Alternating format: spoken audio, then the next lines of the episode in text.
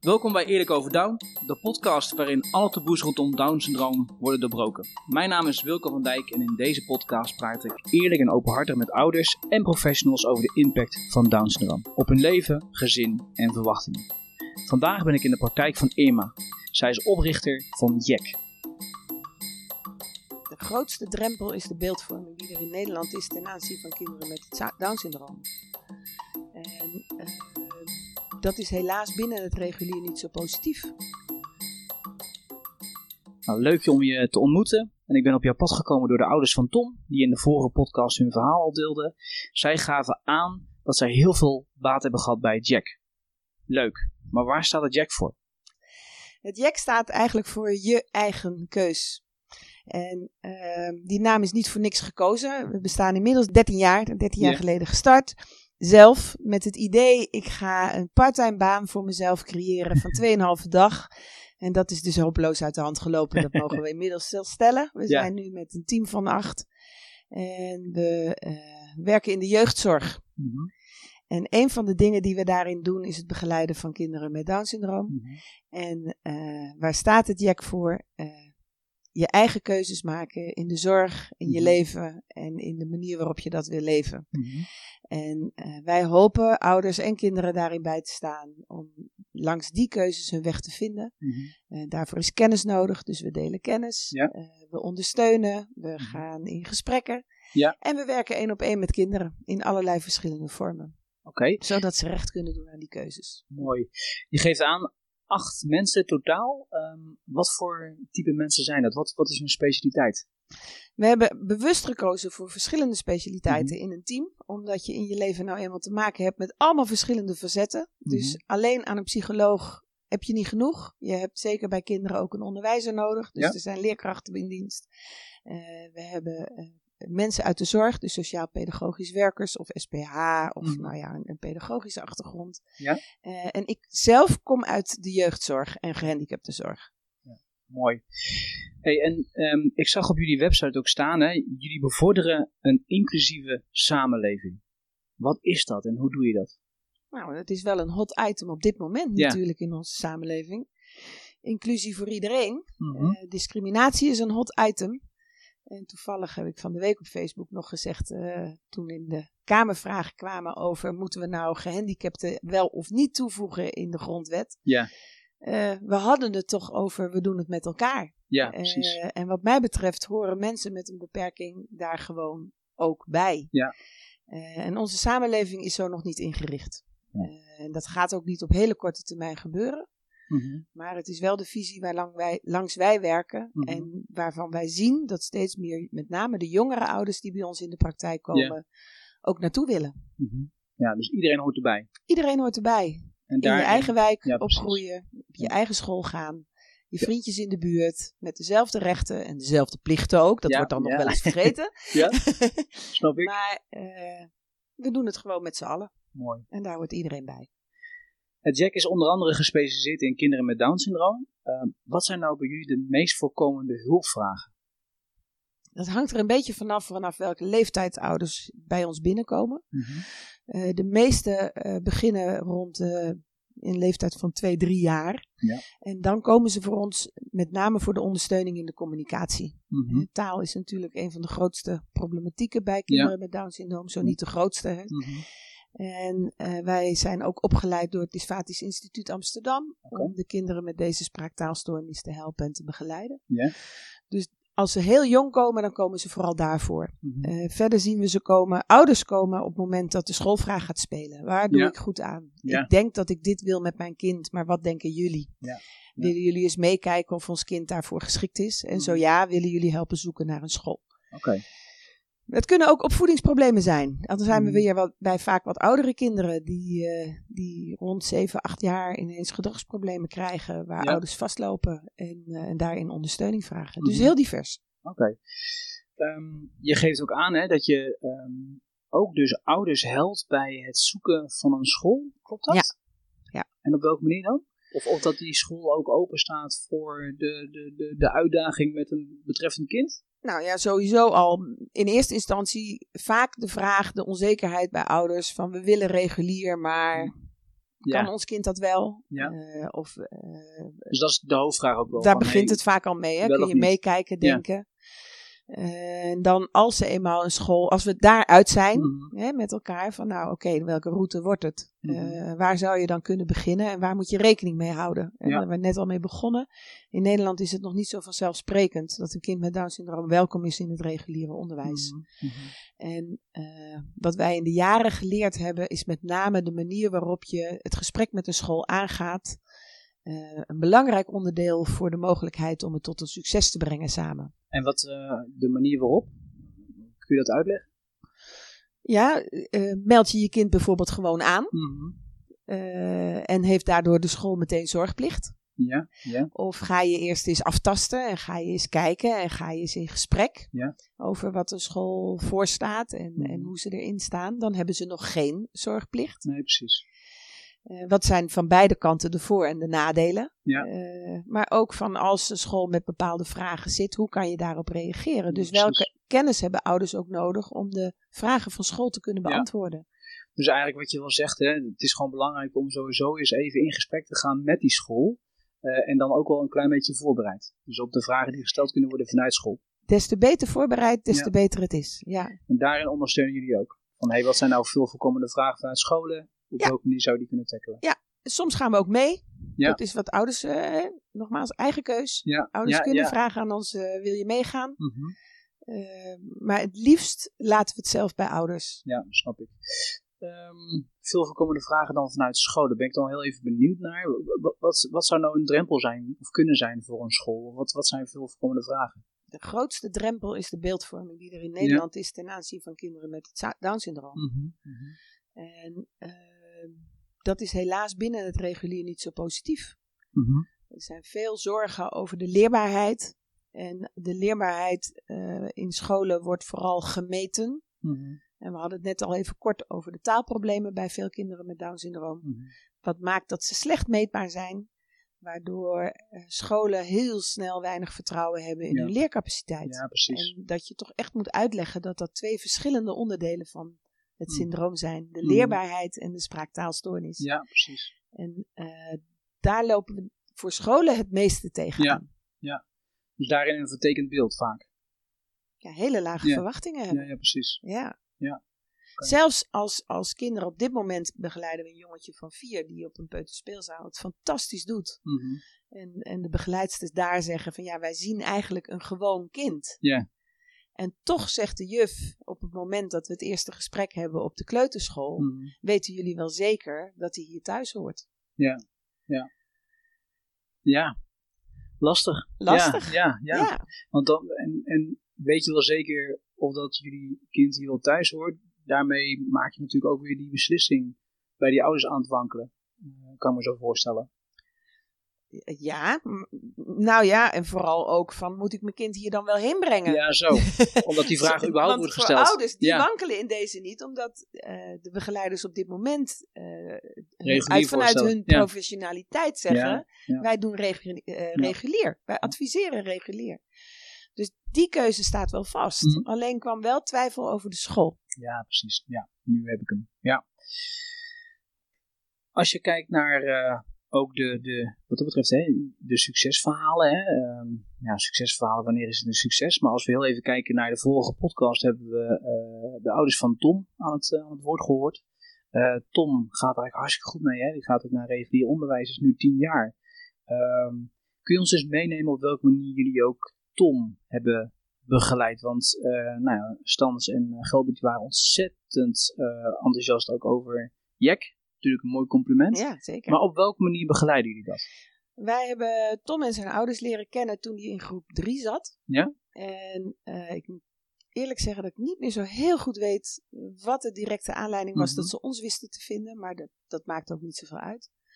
Ehm, maar duidelijk werd dat school vragen had over hoe gaan we verder met Tom in het onderwijs. Ja. Want we weten niet zo goed hoe wij het onderwijs moeten koppelen aan het niveau waar Tom op dit moment zit. Mhm. En toen wij Tom leerden kennen, eh, ontdekten we dat Tom een, een leergierig mannetje was.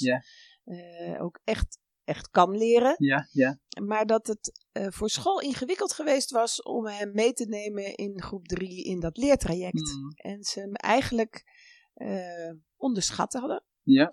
Maar ook wel een beetje meegenomen werden door het leervermijdende gedrag wat Tom uh, kon Ja, laten zien. Want die vond Donald Duckjes nou eenmaal wel heel erg Welk leuk. niet, hè? Ja. Precies. En dan als je Down-syndroom hebt, dan op een of andere manier kom je toch makkelijker met dat Donald Duckje de klas door als dat je dat niet hebt. Ja. En dat was ook bij Tom gebeurd. Ja, Dus ja. waar zijn we begonnen om vooral eerst eens te kijken van nou, hoe leerbaar is Tom? Mhm. En hoe gaan we dan dat nu oppakken? Ja. En eh, toen hebben we gekeken naar de schoolmethodes van de school, Mhm. eh, de wensen van de school, de wensen van Tom zijn ouders. En hebben we daar de puzzel gelegd Ja. en zijn we begonnen. Ja. En daarbij hebben we zowel Tom als school als ouders meegenomen in. Ja. En wat is daar dan voor nodig? Mhm. Niet alleen in de methodieken en de Mhm. mappen op school, maar ook in, eh, nou, wat moet een juf dus in haar gedrag naar Tom?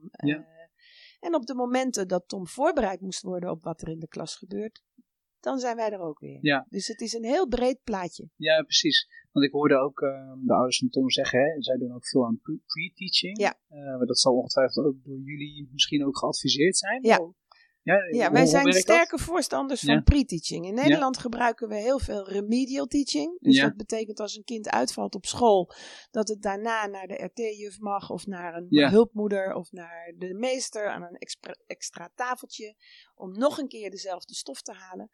En eh, wij vinden het heel jammer dat het kind daarvoor dan eerst een negatieve ervaring op moet doen. Ja, namelijk, ik heb niet aan kunnen sluiten. Ja, En zeker bij kinderen met Down-syndroom zien we dat als zij eh, het weten waar het over gaat, al een beetje kennis hebben over wat er in de les gebeurt, ze veel makkelijker kunnen aanhaken en dus gewoon in de klas ook enthousiast kunnen aansluiten. en daarmee dus ook veel meer vertrouwen hebben en comfort. Ja, Ja, mooi. mooi. dus wij doen vooraf. Heel goed, ja. Nou ja je, je kan je dan gelijk eh, eh, misschien afvragen van, hey, vraagt dat dan ook niet heel veel van de ouders? Is dat zo? Is dat een extra inspanning die je verlangt van een ouder? Of? Ja, eh, wij zeggen wel dat regulier onderwijs eh, haast niet kan zonder hulp van ouders. Mhm. Dat kan vooral zijn, wat ik net al zei, om te zorgen dat die voorinformatie er al is. Mm. En eh, dus kunnen dat ook de leuke dingen uit het Ja, onderwijs precies. zijn. Ja. Als er eh, bij wereldoriëntatie gesproken wordt over de Romeinen, ga dan naar eh Alfa aan de Rijn en ga eens door het dorp van de Romeinen Ja, lopen. slim. Ja, Hè, of ga eens op YouTube filmpjes kijken over. Romeinen. Nou, zo kun je in de breedte natuurlijk heel veel bedenken. Ja. Natuurlijk zijn er ook ouders en scholen die wel ook met taalonderwijs en rekenonderwijs thuis bezig zijn. Mhm. Maar dat stukje proberen wij wel zo, in ieder geval zo min mogelijk op te leggen. Heel mooi. Ehm, Tom is natuurlijk een heel mooi voorbeeld. Hè? Ehm, jullie kwamen ehm, bij hem toen hij drie was, of althans toen werd de vraag. Ja, ja, hij sorry, was in dus drie. zes. Ja, sorry, ja. Hij was zes destijds. Als je heel even kijkt naar gewoon de hele begeleiding van gezinnen, wat doen jullie dan concreet? Van, van, we hebben het net al heel even voorbesproken. Jullie doen natuurlijk in de beginfase ook heel veel tot, tot, tot de verschillende levensfasen. Waarin kunnen jullie ondersteunen? Nou, het begint al met het eerste altijd het onderzoeken wat ouders daarin willen. Mhm. Wij kunnen van alles. Ja, ja, ja, precies. Eh, maar dat is niet aan ons. Mhm. Eh, wij, je eigen keuze is niet voor niets een titel gekozen. Wij vinden het ongelooflijk belangrijk dat als je kind een leer- en ontwikkelingsstoornis heeft, welke dan ook, je Mhm. als ouders nog steeds bepaalt hoe je Ja. wil dat de toekomst van jouw kind, hoe daaraan gewerkt wordt Ja. en welke routes je daarin kiest. Ja. Wat in jullie situatie en het gezin past. Ja, precies. Daarin is ieder kind, ieder ouderpaar, ieder gezin uniek. Ja, het is altijd op maat, hè? Het, is ja. al, het kan niet Nee. anders als op maat. Mhm. En eh, dat betekent dat we dus in eerste instantie beginnen met het leren kennen van de mensen uit het gezin Ja. of vanuit het netwerk waar, waar we mee moeten gaan samenwerken Mhm. of willen gaan samenwerken Ja. is het woord. Eh, en, en in kaart brengen waar, lig, waar liggen de vragen. Ja. En ehm, dan kunnen wij soms wel dingen zien waarvan we denken, oh daar moeten we ook nog wat mee. Mhm. Maar Ja. als die vragen nog niet op tafel komen, dan laten we ze ook. Ja, ja, precies. Want ze precies. komen vanzelf een keer. En, en is het dan een soort van intake die je dan hebt? Moet ik dat zo dan voor me stellen? Ja, Dan- het begint met een intake, Ja. een gesprek. Maar Ja. daarna is het vooral eh, met elkaar tijd doorbrengen. ja, ja, precies. Eén op één met het kind alvast dingetjes gaan doen. Ja. Eh, in, het ge- hè, in het geval van Tom zijn we ook eh, worden we ook ingezet om ouders wat te ontlasten. Er Ja. zijn nog, is nog een broertje en een zusje. Ja, Ehm, eh, dat is zwaar. Ja. Dus daar zijn we ook eh, af en toe gewoon voor de kinderen. Zodat ouders. Ja, eh, ja. respijtzorg. Ja. Of juist waardoor eh Stans en Gerald iets met een van de andere kinderen kunnen gaan doen. En terwijl ze wel weten, de andere twee zijn in veilige handen. ja, mooi. Ehm, dus, dus ja, daar begin je dan gewoon mee. En in eerste instantie doe je het nog even met elkaar. Dat is voor ouders ook fijn, want die zitten er ook niet op te wachten om hun kinderen meteen aan een vreemde over te geven. Nee, snap ik. En op het moment dat het goed voelt, pak je de doelen Ja. op en ga je, ga je verder. Het Ja. is altijd eh, work in progress. Ja. En, ehm, en dat, dat, dat zit ook echt in, in de, de, de, de, de administratieve kant, hè, waarin jullie ook in kunnen begeleiden, met, met aanvragen doen, dat soort zaken. En inderdaad zelfs respijtzorg. Ehm, dus het is echt in de hele breedte eh, Ja, ondersteuning. Eigenlijk, eh, de kinderen met Down syndroom zijn bij toeval op ons pad gekomen. Toen ik Ja. 13 jaar geleden begon, kreeg ik veel verwijzingen vanuit mee. Ja, en daar ja, zaten veel kleine kindjes met Down syndroom Ja. bij. Eh, mijn opleiding rond Down syndroom was inmiddels 20 jaar oud. Dus Mhm. ik moest van mezelf eerst even gaan bijscholen. Want als je iets gaat bieden, moet je wel zeker weten dat je het juiste biedt. Ja, dat is zeker. onze visie. Ja. En eh, toen kwam ik erachter dat er in die tussentijd veel wetenschappelijk onderzoek was geweest. Mhm. En wat we eh, helaas inmiddels weten is dat, dat die kennis in Nederland nog heel slecht verspreid Ja, is. ja. Dat er nog heel veel mensen zijn die niet goed weten eh, hoe kinderen met Down syndroom zich ontwikkelen, Mhm. eh, hoe ze leren, wat de valkuilen en de Ja, mogelijkheden zijn. Nou, als je dan kijkt naar de gemeentefinancieringen of naar eh, zorgkantoren, grote zorginstellingen, ook Mhm. Ja. daar zien we nog heel weinig kennis. Mhm.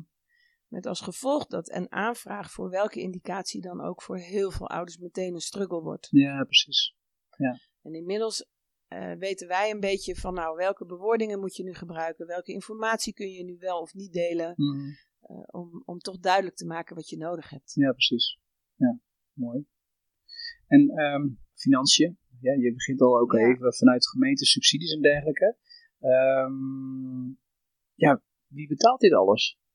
Eh, waar komt het vandaan? Het komt bij ons uit persoonsgebonden budget. Ja, PGB, uit ja. rechtstreeks contracten met de gemeentes hier in de regio. Ja. Ehm, en dan hebben we natuurlijk ook nog de aanvullende verzekeringen en de Ja, wet langdurige zorg. Ja. Dus, dus het geld kan overal vandaan komen. Mhm. Gelukkig zijn er ook steeds meer scholen die ons uit de eh, samenwerkingsverband gelden mogen betalen. Oké. En eh, kunnen wij dus op school ook ondersteunen vanuit die potjes. Maar Ja. ook dat is per regio weer anders. Stel hè, dat ouders dit soort ondersteuning zouden willen. Wat voor advies zou je hen dan willen geven?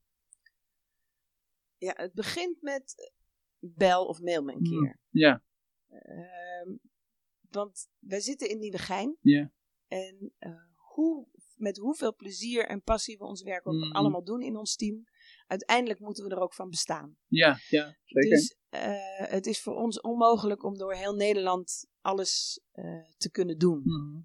Maar gelukkig dankzij, eh, nou nu helemaal het beeldbellen, Ja. de telefoon, de mail, kunnen we al wel een startje maken. Mhm. En dat is altijd vrijblijvend. Ja. En kunnen we daarna, als we dat telefoongesprek hebben gehad, kijken Mhm. van wat kan het JEC dan eventueel Ja, nog precies. betekenen en wat betekent dat dan voor de administratie. Ja, ja, eens. Ja. Maar soms is echt alleen een telefoontje al eh, heel helpend. Stel nou dat jullie ook een kindje met Down begeleiden op school. Is het dan ook zo dat jullie letterlijk naast het kindje zitten als, als, als, als ondersteuner? Of, of is dat eh, eh, niet Ja, het geval? Dat kan. Ja? Dat kan.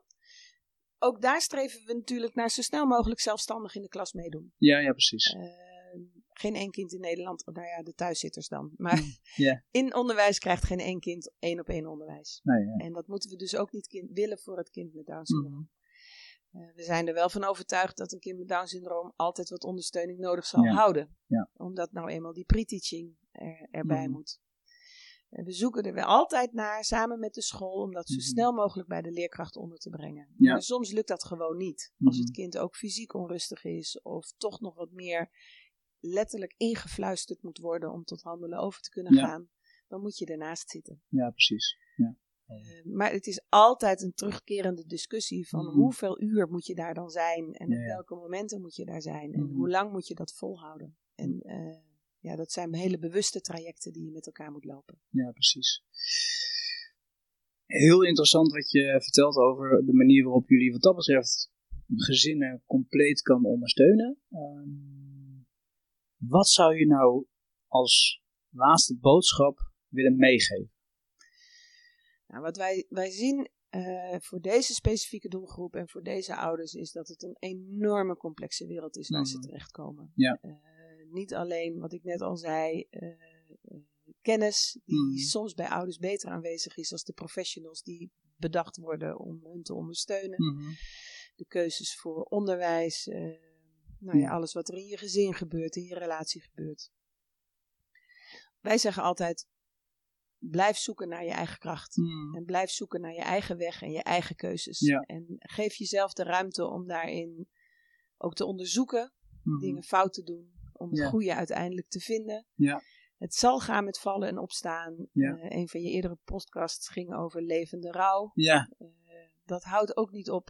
nee. Dat gaat ook door, hè, je levensfases lang. Eh, blijf vertrouwen in jezelf. En, maar ga vooral voor je eigen keus. Mhm. En laat je niet afschepen door ambtenaren, door hulpverleners die zeggen wat wel en niet mogelijk is. Mhm. Zorg dat je dan komt bij mensen die weten hoe de wet Ja. en regelgeving zit. Die weten hoe de ontwikkelingen gaan. Mhm. Eh, en, en ga ervoor. Want Ja. wij hebben binnen de praktijk prachtige dingen zien gebeuren. Ja, en, en daarmee zeg je dus eigenlijk, er is geen goed of fout als je het maar gewoon Er probeert. en je eigen koers daarin vaart. Ehm, wat me wel weer even triggert in je laatste slotzin was, ehm, of is, ehm, we hebben prachtige resultaten geboekt. Eh, wat is nou een, een traject die jij gelopen hebt met een gezin waar, je echt oprecht van kan zeggen, wauw, daar ben ik echt zo mega trots op. Ja, er zijn er Ehm, meerdere waarschijnlijk. Ja, dat, dat is maar net waar je, waar je het accent Ja. legt. Ja. Eén traject is een meisje eh, wat op het regulier onderwijs eh, in een hoekje van de klas zat. eh, waarvan ouders zeiden, wij denken dat ze heel goed kan leren. Maar we Mhm. denken dat school dat niet zo ziet. Ja. Die, die we inderdaad met elkaar, hè, want dat doen we dan dus met elkaar, nu op het reguliere VMBO hebben Oh, mooi. zitten Ja, dat kan genieten zijn. Ja. Maar het kan, het kan ook oprecht genieten zijn als je ouders hebt zien struggelen Ja. eh, over we willen heel graag eh, een bepaalde kant op. Mhm. En het is uiteindelijk een teleurstelling. Ja. Maar dat je daarna een aantal weken toch eh, het gezin in rust en tevreden vindt. ja, ja, precies. D- daar gaat het om. Ja. Dat het gezin tevreden is met Mhm. zoals het gaat en gelukkig is met Ja. elkaar. En dat, dan maakt het niet uit of het op speciaal, regulier, Mhm. een hoogvlieger, een laagvlieger. Ja. eh, discussies die we helaas ook veel onder de ouders onderling Mhm. horen eh, bij Down syndroom. Eh, hoor- ja, dat maakt het allemaal niet makkelijker voor Nee, ouders. nee. Dus wij zijn ongelooflijk trots als een gezin in eigen kracht staat en zegt, nou, volgens mij hebben we het goed voor elkaar zo.